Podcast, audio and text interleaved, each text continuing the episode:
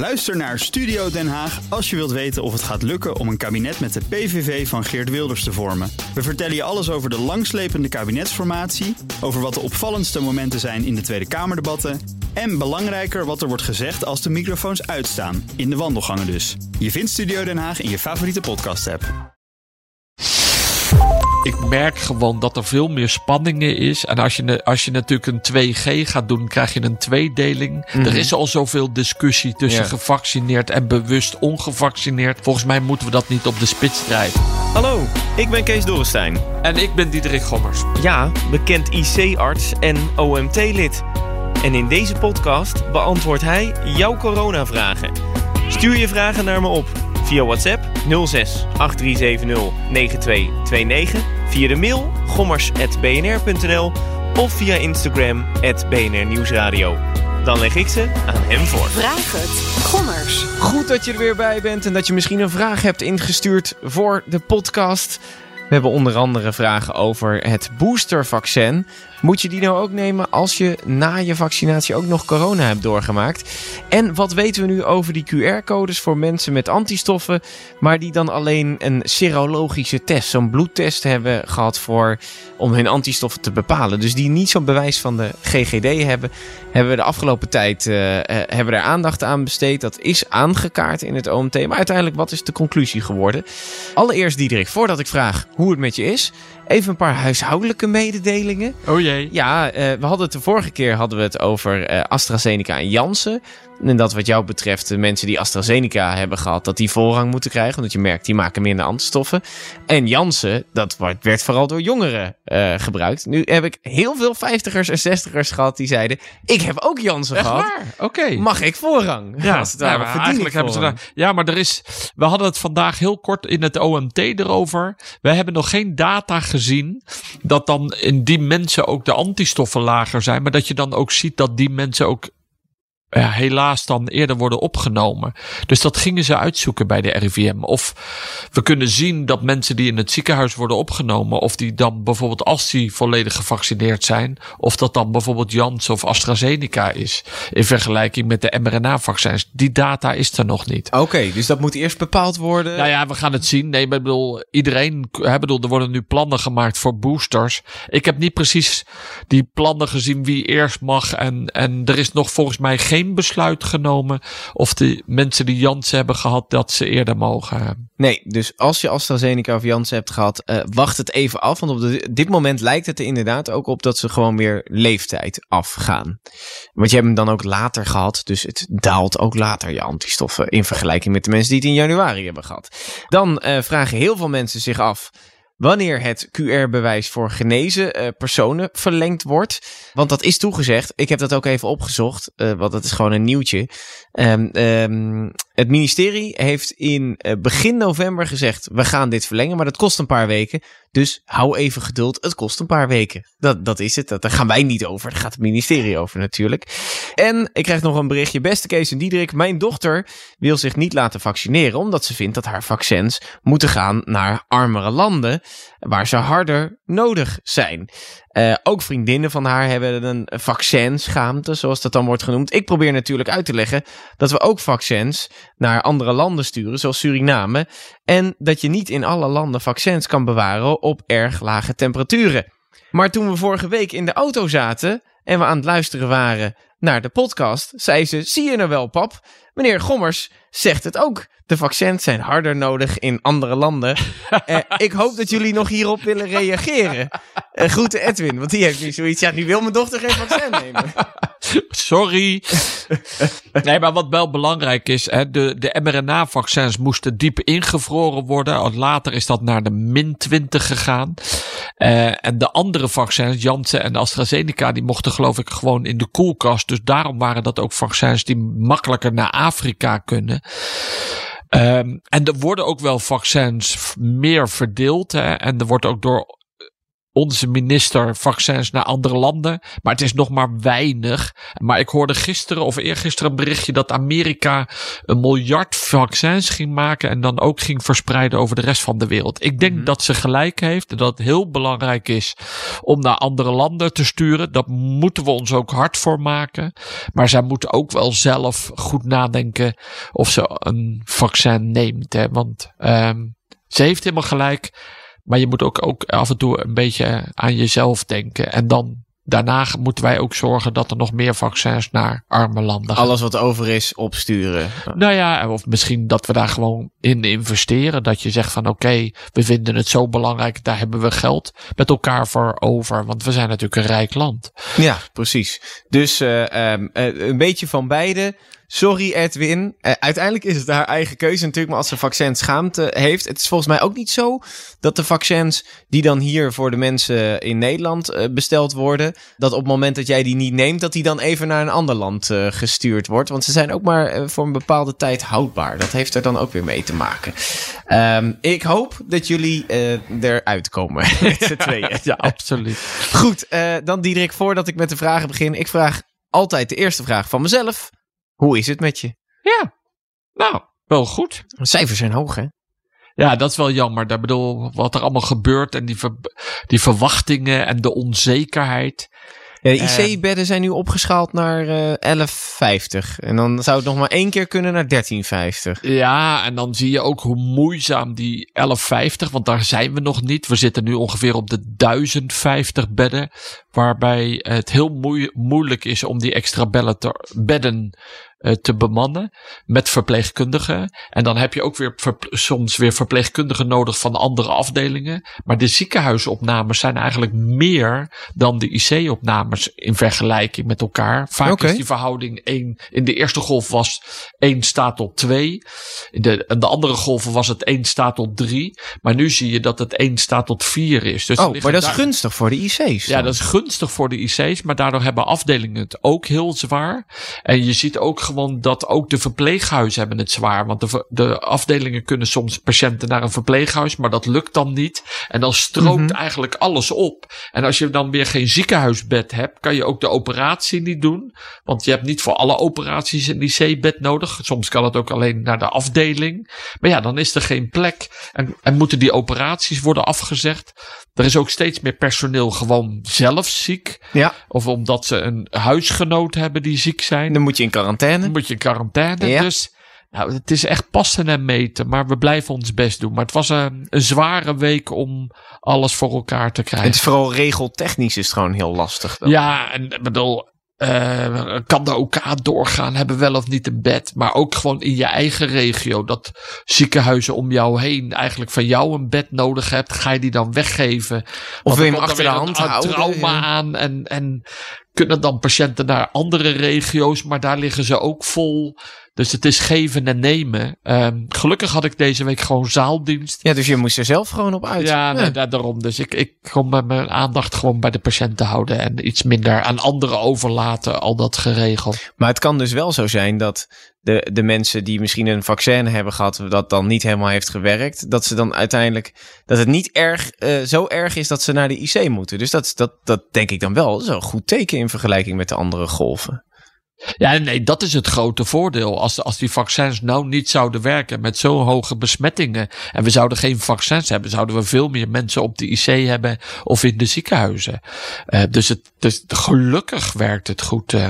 Ja, maar ik, eh, vooral goed om ze van de IC af te ja, houden. Ja, Want ja. 1, 1 staat tot 4, dat is een goede ontwikkeling. Ja, ja. En Dus- hoe dat dan precies, waar dat nou precies aan ligt. Want we behandelen natuurlijk ook. Hè. We krijgen steeds meer andere medicijnen. Mhm. Sommige medicijnen die we vroeger alleen op de intensive care gaven om de, ontst- de eh, afweer te remmen, de overdreven afweer, die geven we nu al als je op de gewone afdeling ligt. Dus er verandert ook wel wat.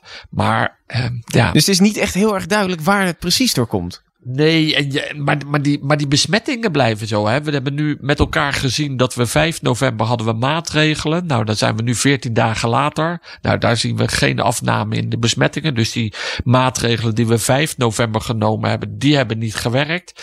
Nou, dan hebben we 13 november. Ja, daar moeten we de komende drie, vier dagen wel effect van gaan zien. Want anders is ook dat niet genoeg.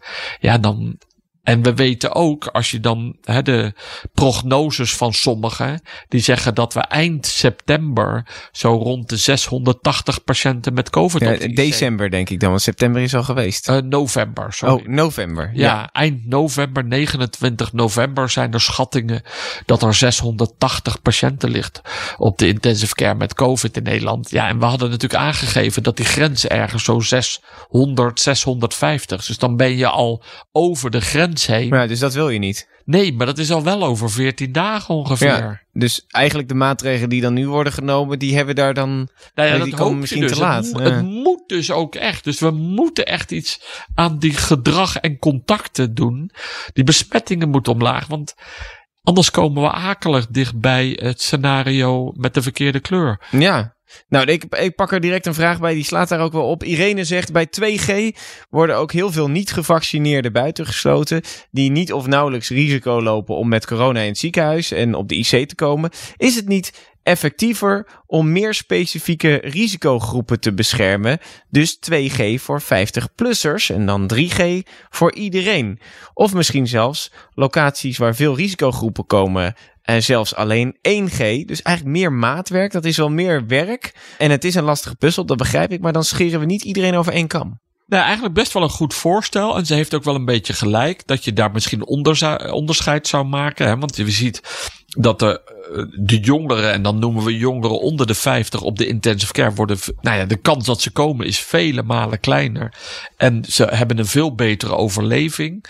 Ehm, maar wat je nu al ziet. Eh, En ik ga er gelukkig niet over. Maar het handhaven van regels, hè, dus maatregelen. Dus een 3G of een 2G Het controleren van de dat codes. controleren Ja. en echt bewaken dat het dan ook echt secuur gebeurt, dat is bijna niet te doen. Mhm.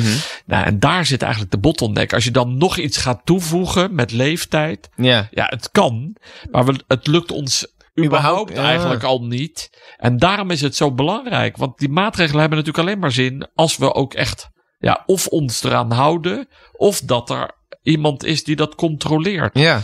Ja, en daar zit op dit moment een beetje de bottleneck. hè. Nou ja, je zei al eerder deze week dat je zoiets had van dat 2G. Dat, dat geeft ook eh, verkeerde verhoudingen. Dus ik weet ook niet of dat dan wenselijk is. Nou maar ja, kijk, vanuit, vanuit de dokter, ik, ik merk gewoon dat er veel meer spanningen is. En als je, als je natuurlijk een 2G gaat doen, krijg je een tweedeling. Er is al zoveel discussie tussen gevaccineerd en bewust ongevaccineerd. Volgens mij moeten we dat niet op de spits drijven. Wat ik hoop, en waar ik nog steeds vanuit de positiviteit ga, is dat we het met elkaar moeten doen. We moeten samenwerken en er moet iets van solidariteit Ja, zijn. met z'n Het- allen. ja, we moeten gewoon met z'n allen doen. En ik geloof persoonlijk, maar dat heeft niks met het OMT of met wie dan ook te maken, maar gewoon met Diederik.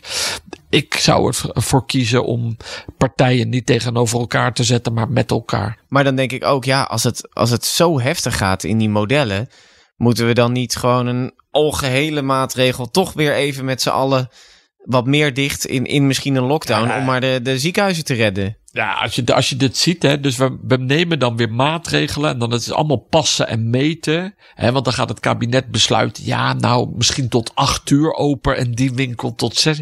Ja, het is zo polderen wat we doen. Mhm. En ja, dat heb ik al vaker gezegd. Wij Nederlanders zijn niet goed in, in een infectieziekte beheersen. Omdat iedereen alleen maar gaat praten en, ja, eh, en we gaan allemaal zoeken en dan eh, een uurtje erbij, een uurtje eraf. Ah ja, als je zo'n Mac- Macron hoort zeggen, die zegt gewoon op televisie: luister eens even, je moet voor 15 december gezorgd hebben dat je je booster hebt. Zo niet, dan vervalt je QR-code. Heel krachtig, geen discussie. Ehm, dat hebben wij in Nederland eigenlijk ook een beetje nodig. We zien die besmettingen oplopen. Je wil echt niet met elkaar dat dat zorginfarct ontstaat, Mhm. dat je in een code zwart komt. Dan kun je twee dingen doen. Dan kun je heel tijd blijven aanspreken op de mensen dat ze zich moeten gehouden aan de maatregelen. Nou, daar zijn we niet zo goed in. pak door Ja. eh, en dan kort maar krachtig. Dus eigenlijk gewoon een korte lockdown. En ja, wat die 2G en die 3G zijn al te laat. Ja, toch? Oké, dat is best wel pittig ook. eh. Nee, ja, maar bedoel, eh, de, de situatie vraagt daarom. Ehm, we wachten nu even af, want we hebben maatregelen genomen. Ja, Maar ja, dat is best spannend. Want als het dan de komende dagen daadwerkelijk niks verandert, dan zijn we te laat. ja, dan ben je misschien met elkaar te laat. En misschien kloppen de prognoses weer niet. Ik bedoel, die weet ik ook niet. Nee. Hè? Want dan zeggen ze, ja, daar zit heel veel onzekerheid. Maar je, je, je, je drijft het wel op de spits eh, met elkaar. Ja, precies. Ja, want op zich, ja, de 2G en 3G, ja, er zijn al meer artikelen over verschenen in verschillende kranten. Dat dat inderdaad ook eh, lastig is, dat dat niet werkt. Of dat het eigenlijk te laat is. Dat je dat al eerder dan had moeten invoeren. Wil het überhaupt werken? Eh, iets heel anders. Ellen zegt, waarom wordt er eh, eigenlijk niet meer ingezet op preventie en een gezonde levensstijl? Ik begrijp heel goed dat het versterken van het immuunsysteem van de bevolking een lange termijn kwestie is. Maar ehm, eh, je moet er wel een keer aan beginnen. Dus eh, denk aan natuurlijk gewoon gezonder eh, leven. Nu zijn we eigenlijk alleen maar telkens brandjes aan het blussen. Waarom is die focus er niet? Ja, ze heeft echt gelijk. Hè. We moeten veel meer naar preventie. Als we nou hebben gezien met de COVID dat iedere keer het zorgsysteem tekort schiet en dan capaciteit en dit. En dan wat we dan aan het doen zijn, is dat mensen eerst ziek mogen worden. Of helaas worden. En dat we ze dan proberen beter te maken. Je zou veel meer geld en energie willen stoppen in preventie. Hè. Sporten hebben we vaak afgezegd. Maar we hebben nu gelukkig door laten gaan. Letten op je voeding. Goed slapen. Dat soort dingen zouden we veel meer aandacht. Al of niet een bepaalde belasting op frisdranken met suiker. Hè, daar is ook Mhm. al over nagedacht. Ik, ik vind eigenlijk wel dat ze gelijk heeft. Dat we daar echt nu. We hebben het er al zo vaak over gehad. Maar we moeten er nu echt werk van maken. En daar kritischer op zijn. Ja, exact ja. Maar als er, als er dan, stel er komt, er wordt vanuit het kabinet besloten, er komt weer een, een, een, eh, een soort van korte lockdown van een aantal weken. Alles eventjes op slot. eh, Maar dan kunnen we ook niet meer sporten. Nee, dat is het natuurlijk ook. En daarom wil je het ook niet. En daarom hoop je ook gewoon dat deze maatregelen die nu afgekondigd zijn, dat mensen zich eraan houden. Mhm. Zodat het ook niet hoeft. Nee, Eh, helemaal mee eens. Je wil zo lang mogelijk sporten. En zeker voor jonge mensen. ja. Maar ook voor ouderen en voor iedereen. En dan kun je mogelijk nog een verschil maken tussen binnensporten en buitensporten. ja, omdat buiten Ehm, besmet je nou ja, minder en- mensen. En dat, ja. Maar dat zijn eigenlijk details. Sporten is gewoon heel belangrijk. Ja, even bewegen. Dat is het. Ik heb mijn knieën net geblesseerd, dus ik kan Oh even jee, niet, oh eh, niet sporten. Nou, dan ga je misschien dammen of schaken. Ja, precies. Een hersensport eh, doen, wat dat betreft. Robin, die zegt, eh, kunnen we niet op elke locatie die coronablaastest neerzetten? Om zo iedereen te controleren. Want er was een tijdje sprake over. Ja, hè? die, die is toen getest en, er- en ik weet niet helemaal precies waarom dat niet helemaal. eh, dus de, de, de betrouwbaarheid was soms liet de wensen over. Ja, als je zo'n soort apparatuur hebt en die is betrouwbaar, ja, zou dat veel makkelijker zijn dan iedere keer zo'n wattenstaafje in je neus en dan Ja. door vloeistof en dan kijken of je positief bent, ja of nee. Ehm, en veel testen zou wel helpen, want dan Ja. Hè, als je naar je werk gaat of in de metro stapt of als je dat dan heel frequent doet, dan spoor je ook mensen sneller op. Ook al hebben ze nog geen klachten, maar hebben ze dan wel positieve test. Ja. Want dan zou je kunnen zeggen, ga lekker naar huis toe en blijf even thuis. Mhm. Dus ja, om, in het kader van sneller opsporen zou dat goed zijn. En ook zo'n blaastest test zou dan goed zijn. Ik ben even niet op de hoogte hoe betrouwbaar er is. Volgens mij Nee. was er een probleem met de Nee, ja, ik- betrouwbaarheid. Ik heb het even opgezocht ook nu. Ehm, en de GGD is inderdaad gestopt met die coronablaastest deze eh, zomer. Omdat, ehm, eh, omdat die niet betrouwbaar genoeg was. Dus er kwamen te veel eh, vals negatieve uit. Terwijl mensen wel corona bleken te Ja, nee, hebben. dan, dus dan vandaar... heeft het geen zin. eh. Nee, inderdaad. Goed idee, Robin. Ehm, er moet een betere test komen. Zo simpel is het. Yvette die zegt: kinderen bouwen volgens mij immuniteit op door veel met virussen en bacteriën in contact te komen. Moeten wij met dit nieuwe virus niet juist zoveel mogelijk ermee in contact komen? Zo blijft ons lichaam oefenen. Zo'n lockdown, als die er komt, is dan toch juist ongunstig. Met de griep lijkt het nu ook dat hij harder aanslaat, omdat we er even in een lockdown hebben gezeten vorige winter. Ja, ze heeft wel een punt. Dus eigenlijk is het goed voor jouw afweer, voor jouw lichaam, om relatief vaker contact te hebben met een virus, in dit Mhm. geval COVID-19. En iedere keer, als je het al een keer doorgemaakt hebt of je bent gevaccineerd, maak je weer meer Ja, dus je wordt je een beetje sterker. antistoffen. ware, Ja. dan word je steeds een beetje sterker. Daardoor blijven je antistoffen hoog. Dat is eigenlijk goed. Het probleem is alleen, als je nou nog geen COVID hebt gehad en niet gevaccineerd bent, ja, dan kan je er ziek van worden. En sommige mensen, het staat no- nooit op je voorhoofd, word je Mhm. er ernstig ziek van. Ja. Dus dat is een beetje het probleem. Ook mensen die gevaccineerd zijn, geen COVID hebben gehad en waar het dan net niet goed aanslaat. Dat kan Ja. natuurlijk ook. Ja, dat kan ook nog. Maar daarom, bijvoorbeeld bij die basisscholen hebben we ervoor gekozen dat we het onderwijs en ook op de middelbare scholen, dat we onderwijs zo belangrijk vinden voor kinderen. Mhm. En daar hebben we eigenlijk toegelaten dat dat virus daar circuleert. Ja, het En gaat ook stevig rond eh, onder ja, kinderen. dat hoor je nu ook. Hè? Dat, dat hoeveel er in een klas gelijk zeven leerlingen. En dan moeten ze uiteindelijk toch wel weer in quarantaine. Mhm. Maar, maar daar laten we, omdat we met elkaar gekozen hebben dat dat onderwijs zo belangrijk is, zie je dat, het, nou ja, dat zo'n virus toch makkelijk zich verspreidt onder kinderen. Is dat slecht? Ja, eh, Ja, kinderen worden er niet, eh, zeker onder nee, de dus 12, kinderen hebben heel vaak erg, eh, natuurlijk verkoudheidsvirussen. Ja. Tot nu toe hebben we gezegd, ja, we vinden het, we vinden het acceptabel als die kinderen elkaar infecteren. Ja. Of dat of je daarmee door moet laten gaan omdat je zegt, ja, die besmettingen blijven maar stijgen. Ze hebben natuurlijk wel een bijdrage in het aantal besmettingen. Mhm. En vooral omdat ze natuurlijk dat virus dan mee naar huis nemen en papa en mama al Ja. of niet geïnfecteerd raken als ze wel of niet gevaccineerd zijn of Mhm. nog niet het virus. En als opa en oma dan nog op bezoek komen, ja, dan krijg je de echte problemen. ja. Maar goed. Ehm, Dat, is dus ook nog een keuze inderdaad. Om de, om de scholen, eh, of dat zomaar wel open kan blijven. Omdat het zo onder kinderen rondgaat. Ja, dat- maar, maar dat, dat zou je ook, aan die knop kan je ook nog draaien in de toekomst. Ja, exact ja. Dan zegt Willy... Vanaf het begin werd gezegd dat de vaccins min of meer makkelijk aan virusmutaties aangepast kunnen worden. Is de booster nu aangepast aan de Delta-variant? Ja, we hebben het ook echt gezegd. En het is ook echt door Pfizer en dat soort bedrijven genoemd. Maar ik denk dat ze het nog steeds, dat ze vinden dat het vaccin goed genoeg werkt Mhm. tegen, en dat is het ook natuurlijk tegen ziekenhuisopnames Ja. en IC-opnames. En volgens mij hebben ze het nog niet aangepast. Maar dat zouden ze kunnen doen, maar dat is op dit moment nog niet gebeurd. Nee, is nog niet gebeurd. Het is zo dat, kijk, je, je, de Delta-variant is besmettelijker. Dus ook gevaccineerden worden besmet. Of die hebben een kans. Nog steeds natuurlijk, we hebben het vorige week ook over gehad. Nog steeds is de kans kleiner dan dat als je helemaal niet gevaccineerd bent. Eh, maar het beschermt nog steeds tegen ziekenhuisopname. Dus hebben Pfizer, Moderna zoiets. Ja, het werkt. Dus eh, het is goed, hoeft nog niet aangepast te worden. Zoals ik het zo begrijp. Jan Willem die zegt: Is Nederland de Pfizer virusremmer al aan het inkopen? Dat is dus geen vaccin. Geeft het OMT daar ook een advies over? Het lijkt me verstandig om dat deze week te doen, want de Verenigde Staten die is al stevig aan het inkopen, meldt de New York Times.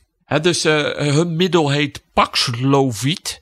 Of ik weet niet hoe je het uitspreekt. Maar dus, dus, dus die, die, die, die remt eigenlijk het vermenigvuldigen van het virus in, in jouw cel of in je lichaam. Ehm, en de vorige keer hadden we er eentje van Merck. Hè, die heette Molnupiravir. Wel duur, hè? Is die echt? eh, Ja, die was een kuur? 600 euro per behandeling. Ja, En, en, maar dat wordt dus vooral gegeven door de huisartsen. Dus als je dan het idee hebt dat je COVID hebt, dan moet je je laten testen. Mhm. En dat moet dan eigenlijk binnen vijf dagen nadat je dan eh, de eerste klachten hebt gehad, moet je, de, moet je dat dus dan. moet je snel bij zijn. eh, ja, wat dat betreft. dus je moet er snel bij zijn. Nou, we gaan zien. Ik, ik heb nog niet gehoord en, en eh, ik weet ook niet of de EMA al goedkeuring heeft gegeven nee, om dit middel te mogen gebruiken in Europa.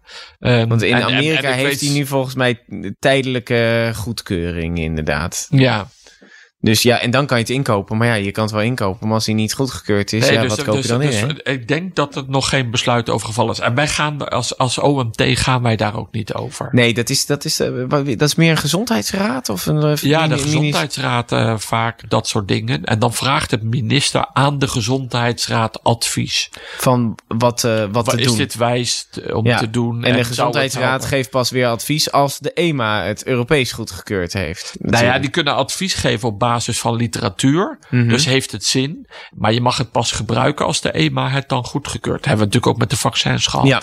Dus de Gezondheidsraad eh, gaat hier over eh, Jan Willem, maar wel scherp. Hij, hij, hij stuurde ook het New York Times artikel mee. Van kijk, Ja. let op, dit is serieus, want eh, zij schrijven daarover. Ja. Ehm, Heidi en Ike, die komen binnenkort in aanmerking voor een booster, maar die zijn beide al gevaccineerd, hebben dat helemaal afgerond. En die hebben daarna nog corona gekregen, zijn ook hersteld. Zij zeggen, hebben we dan nog een booster nodig? Ja. Je zou zo graag willen weten eh, of je dan voldoende antistoffen hebt en of je dan die booster nodig hebt. Hè? Want we hebben vorige keer die voorbeeld van een van de luisteraars. Die liet zien als je dan het vaccin nam en zij had dan op natuurlijke weg. Dat het dan ineens doorschoot naar de 3000 hè, van Ja. 100. Het was zelfs gezakt onder de 100 en schoot ineens naar de 3000. Ehm, wat, wat je nu in de boosterdiscussie krijgt, is dat we haast hebben. En we hebben eigenlijk geen tijd om daar eens rustig voor te gaan zitten. eh eens kijken om antistoffen te gaan bepalen. En dan eens rustig met elkaar te besluiten: oké, is deze eh, concentratie van antistoffen genoeg? Of zou het toch verstandig zijn om een booster te geven? Wat er nu eigenlijk gewoon geroepen wordt. Jongens, we hebben voldoende vaccins op de plank liggen. Je wordt om, opgeroepen om een booster eh, te nemen. Mm, en, en maak een afspraak of je krijgt een afspraak. Ik weet dat eigenlijk niet eens. Ja. En, en dan staat het straks geregistreerd. Ja, en dan zal dan wel weer een, een, een aanpassing zijn. Dat er op een gegeven moment dat je alleen nog maar QR-code hebt. Ook als je de booster hebt. Maar Ja? daar hebben we het ook nog niet over gehoord. Nee, nee ja, dat, dat is wel echt weer een politieke keuze. Dat Ja, en, natuurlijk, en, en dus ik, ik, ik vind hem lastig. Ik kan hem niet zo goed beantwoorden. ja. Nee. Omdat je. Ja, eh, door die booster krijg je weer veel meer antistoffen. En ik zou zeggen, ja, voor de oudere 70-plussers of 60-plussers is dat zeker belangrijk. Voor Mhm. mensen in een hoog risicogroep. Het kunnen ook jonge mensen zijn, maar met onderliggende ziekten. Daar is het ook heel veel, heel belangrijk voor. Maar voor gezonde mensen en die, wat zij net beschrijft, die al vaccins en ziek geweest zijn, ja, is het minder belangrijk. Maar of het, ja, Mhm. ik denk dat het wel geadviseerd wordt om het ter zijner tijd wel te doen als je aan de beurt bent. Want wat stel je hebt dit eh, gehad, ehm, kan het dan kwaad eh, als je dan nog een vaccin neemt en je hebt al heel veel antistoffen? Nee, wa- wat we eerder gehoord hebben is dat als je een vaccin neemt, ehm, gaat dat, is dat niet erg als je al veel antistoffen hebt. Dan maak je gewoon. Nee, dan, dan, dan topt hij het af tot de, max en dat is het, ja. Ja, En soms dan, ja, dan heb je al genoeg antistoffen en dan eh, is het een soort van, ja, doet het niks.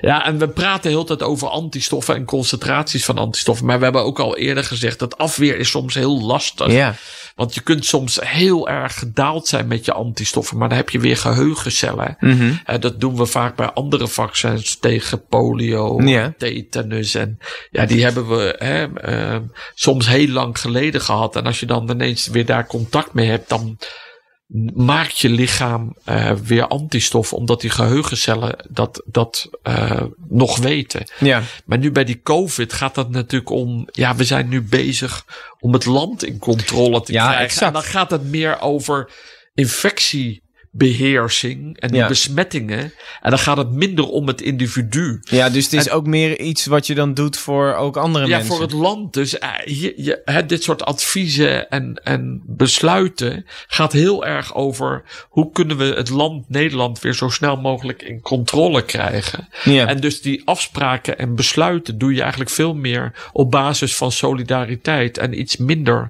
op de individu. Ja, dus meer gewoon om te kijken, om te zorgen dat jij dus die booster hebt, dat jij niet ziek wordt. Eh, Want die Ja, en booster ook minder besmettelijk. veel- Op het moment ja. dat je hoger in je antistoffen zit, ben je mogelijk ook minder besmettelijk. Ja, en dan kan je het dus ook minder snel doorgeven, Ja. waardoor, wat de besmettingen dus tegen zou kunnen gaan. Ja. Duidelijk. Eh, Femke, Rihanna en Astrid en nog een aantal andere mensen die vragen: is er al meer duidelijkheid over eh, mensen met een antistoffentest, dus zo'n serologische test, en of die een QR-code kunnen krijgen en eh, waarom wel of niet? En die hebben dus geen bewijs van de GGD gekregen dat zij antistoffen hebben. Dus daarom krijgen ze geen QR-code. Nee, de, het, het onderzoek loopt, en- maar dat gaat allemaal heel langzaam. Ehm, En, en ik ben bang wat we net over hadden, dat Mhm. dan de, de ministerie of de minister besluit van jongens, luister eens even, het is eenvoudiger te regelen om een QR-code af te geven als je gevaccineerd bent. Dus haal gewoon het vaccin. Dus Ja. ja. dan denk ik dat het maatschappelijke belang is groter om zo'n regel af te spreken. En vanuit de individu zou het heel logisch zijn dat je antistoffen bepaalt en dat je zegt, nou oké, Mhm. je zit ruim in je antistoffen. Maar er zitten weer heel veel haken en ogen aan. Ik bedoel, die, die testen van die antistoffen, daar heb je verschillende firma's. En die verschillende firma's hebben weer andere afkappunten. En dat moet je dan ook allemaal weer testen in onderzoek. Ja, dat kost gewoon heel veel tijd. Dus die data is op dit moment niet beschikbaar om daar aan de minister een goed advies te geven. Minister, dit en dit is het advies. Hierop kan je een besluit nemen en dan kan je daar ook ehm, dat invoeren. Ja, ik zag ook een, eh, een advies staan op de pagina eh, van, van VWS. Dat op dit moment eh, gelden die seriolo- serologische testen niet. Want zij zeggen dat dat met twee redenen te maken heeft. De eerste is dat, je, dat ze dus niet precies weten wat de waarden zijn. En dat het dan ook mogelijk is dat die in het buitenland niet gelden. Eh, want daar, daar hebben ze dan ook. eh, er is geen universele waarde eigenlijk. Hè? Nee, nee. Dus zelfs als Nederland het zou bepalen van het is deze waarde, dan moeten internationale wetenschappen het daar ook mee eens zijn. Eh, want anders dan Ja. kan je alsnog niet naar het buitenland Ja. bijvoorbeeld voor dat en soort het maakt dingen. dus heel erg weer uit welke test je gebruikt hebt, van Ja. welk merk. Want de ene Precies. die meet het net weer op een andere manier. En dan is het de afkappunt niet 100, maar 250. Ja, en dan gaat het allemaal door elkaar heen. En dat Ja. maakt het zo lastig. Ja, dus daarom dat het op dit moment ook is van eh, nee, het, ja, het kan helaas eh, Nee. niet. Nee, nog Dat te is- vroeg. Dat is nog te vroeg, ja. En ik denk dat, dat, ja, dat die onderzoeken, dat duurt altijd eventjes. Dus dat, eh, dat kan nog wel even een winter duren. Dus ja, het, op dit moment helaas voor de mensen die dat hebben. Het is niet bekend. Daarbij zeggen ze ook, op het moment dat je corona hebt doorgemaakt, dat je in sommige gevallen heel veel antistoffen aanmaakt, in sommige niet. Daar is niet één lijn op te trekken. Dat is niet één waarde van je hebt doorgemaakt, oh, dus je hebt zoveel antistoffen. Dat is heel erg persoonsbepaald. Waardoor het in sommige gevallen ook kan zijn dat, dat 100 antistoffen misschien niet genoeg is. Dan eh, vraagt eh, Mariken: kan een antistoffentest een verschil zien of de antistoffen zijn aangemaakt door een vaccin of door corona zelf? Nee, als je het heel zou beredeneren, hè, die, die antistoffentesten, die zou je natuurlijk heel specifiek kunnen maken. Ehm, maar de, de, eh, en dan dus kijken of dit eiwit, wat het, wat het mRNA-vaccin gemaakt heeft, of dat dan weer een verschil zit dan met het, eh, het natuurlijke virus. Maar, maar eigenlijk is dat te moeilijk. En dat kunnen de huidige testen kunnen dat onderscheid ook niet maken. Nee, dus dat, oh, dat is dan een lastige. eh, ja. Ehm, dan eh, zeggen Linda en Klaas. En ook wel wat andere mensen die zeggen: Is het een idee om naast de bestaande vaccins ook een keuze te geven voor een op een traditionele manier vervaardigde vaccins? Ehm, die vinden wij wat prettiger. Dat zou ik een briljant idee vinden. Want dat is voor mij dan een doorslaggevende reden om me wel te laten vaccineren. Want ze voelen zich dan niet zo prettig bij de nieuwere vaccins.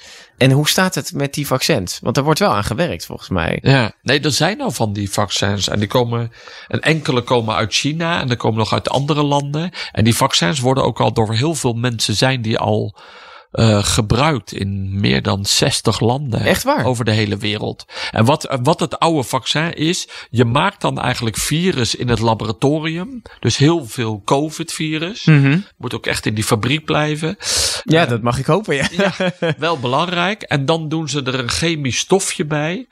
Dat dan het virus ehm, zich niet meer kan overleven. Dus zich niet kan vermenigvuldigen. Maar de structuur van dat virus blijft dan bestaan. Dat stop je in je vaccin. Dat is dan het vaccin. Dat spuit je dan, doe je in een, in een potje, in een flacon. En Ja. dat spuit je dan in. Dus dan spuit je eigenlijk echt virus in. Maar wat zich niet kan vermenigvuldigen. Dus, maar heeft wel de echte structuur. Dus het lichaam maakt dan antistoffen tegen nou, die, die spike-eiwitten waar we het altijd over hebben. En het N-eiwit. Mhm. Maar soms ook wel tegen andere structuren van het virus. Ja, En dat is natuurlijk een beetje anders dan het Pfizer. Want die maakt alleen maar het Tegen de eiwit, het ja. spike-eiwit. En daar maak je een antistof tegen. Mhm. Dus bij een, een ouderwetse traditionele vaccin kan je misschien wel meer antistoffen maken tegen verschillende componenten eigenlijk Ja. van het virus. En hoe is het met de betrouwbaarheid van die vaccins? Nou ja, kijk, het lastige is altijd van die, van die oudere vaccins, of die oudere techniek, is dat je al, je moet er dan eigenlijk liefst 100% zeker van zijn dat je niet een levend virus in. Nee. Als die inactivatieproces niet helemaal goed gegaan is, kan je soms een klein beetje virus geven. Mhm. Nou, bij gezonde mensen is dat meestal niet erg, want dan die maken toch antistoffen en die,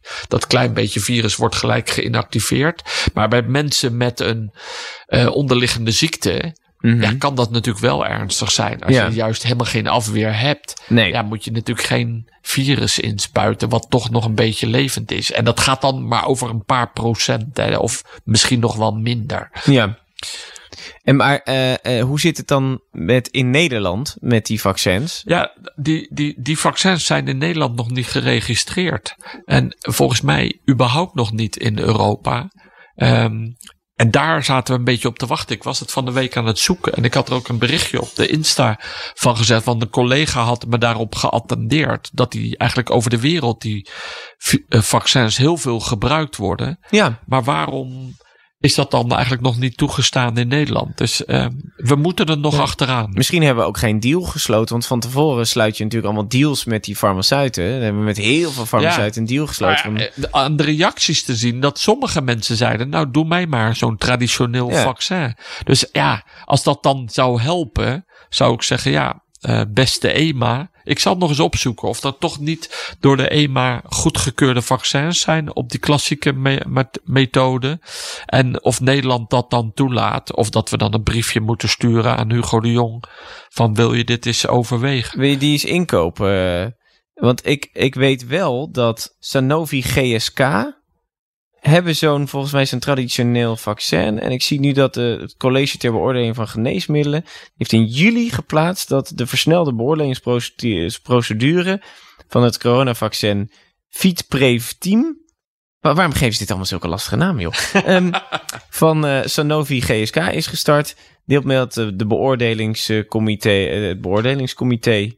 EMA zal de data die beschikbaar komt over dit vaccin nu doorlopend beoordelen om te bepalen of de kwaliteit van het vaccin goed is. En natuurlijk of de Ja, maar betrouwbaarheid dat betekent dus soort niet dat ze een definitief oordeel hebben.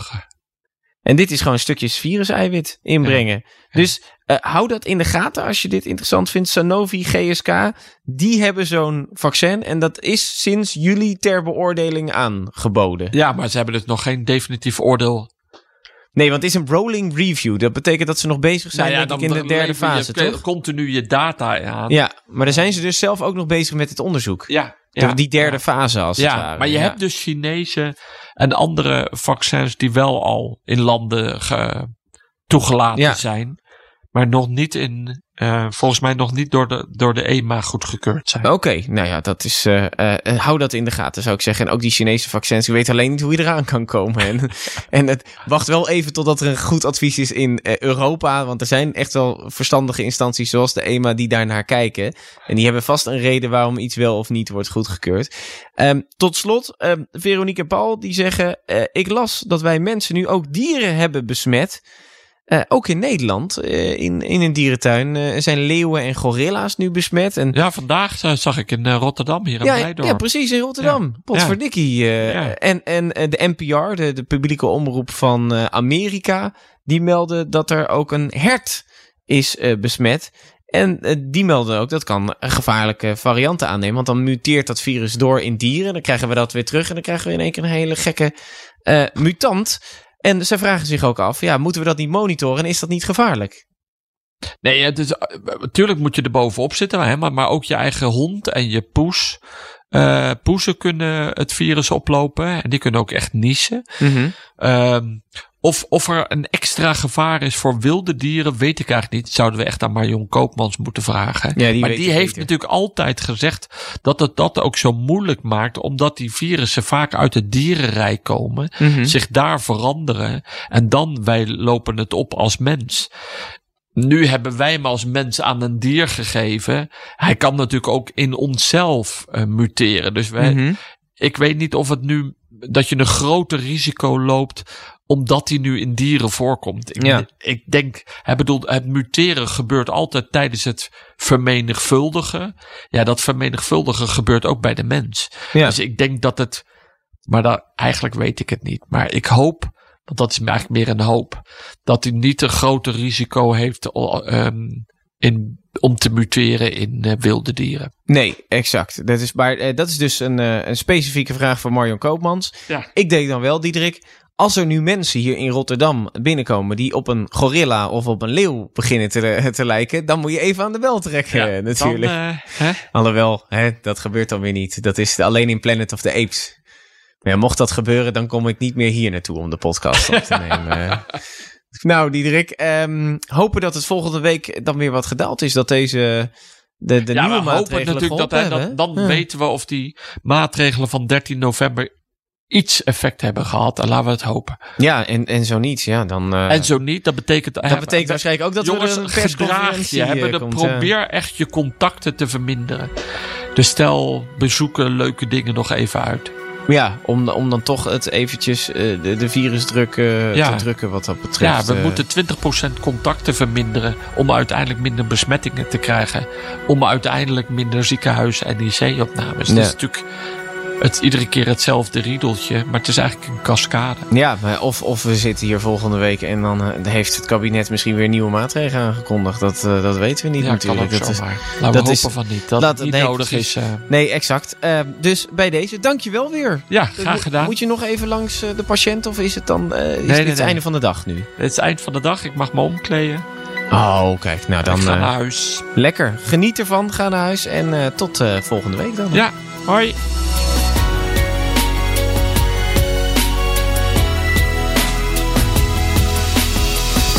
Vraag het. Gommers. Gommers. Ook Hugo Reitsma vind je in de BNR-app. Superhandig die BNR-app. Je kunt alle programma's live luisteren, breaking nieuwsmeldingen. Je blijft op de hoogte van het laatste zakelijke nieuws. En je vindt er alle BNR-podcasts, waaronder natuurlijk de belangrijkste, Boeken zijn in de wijk. Download nu de gratis BNR-app en blijf scherp.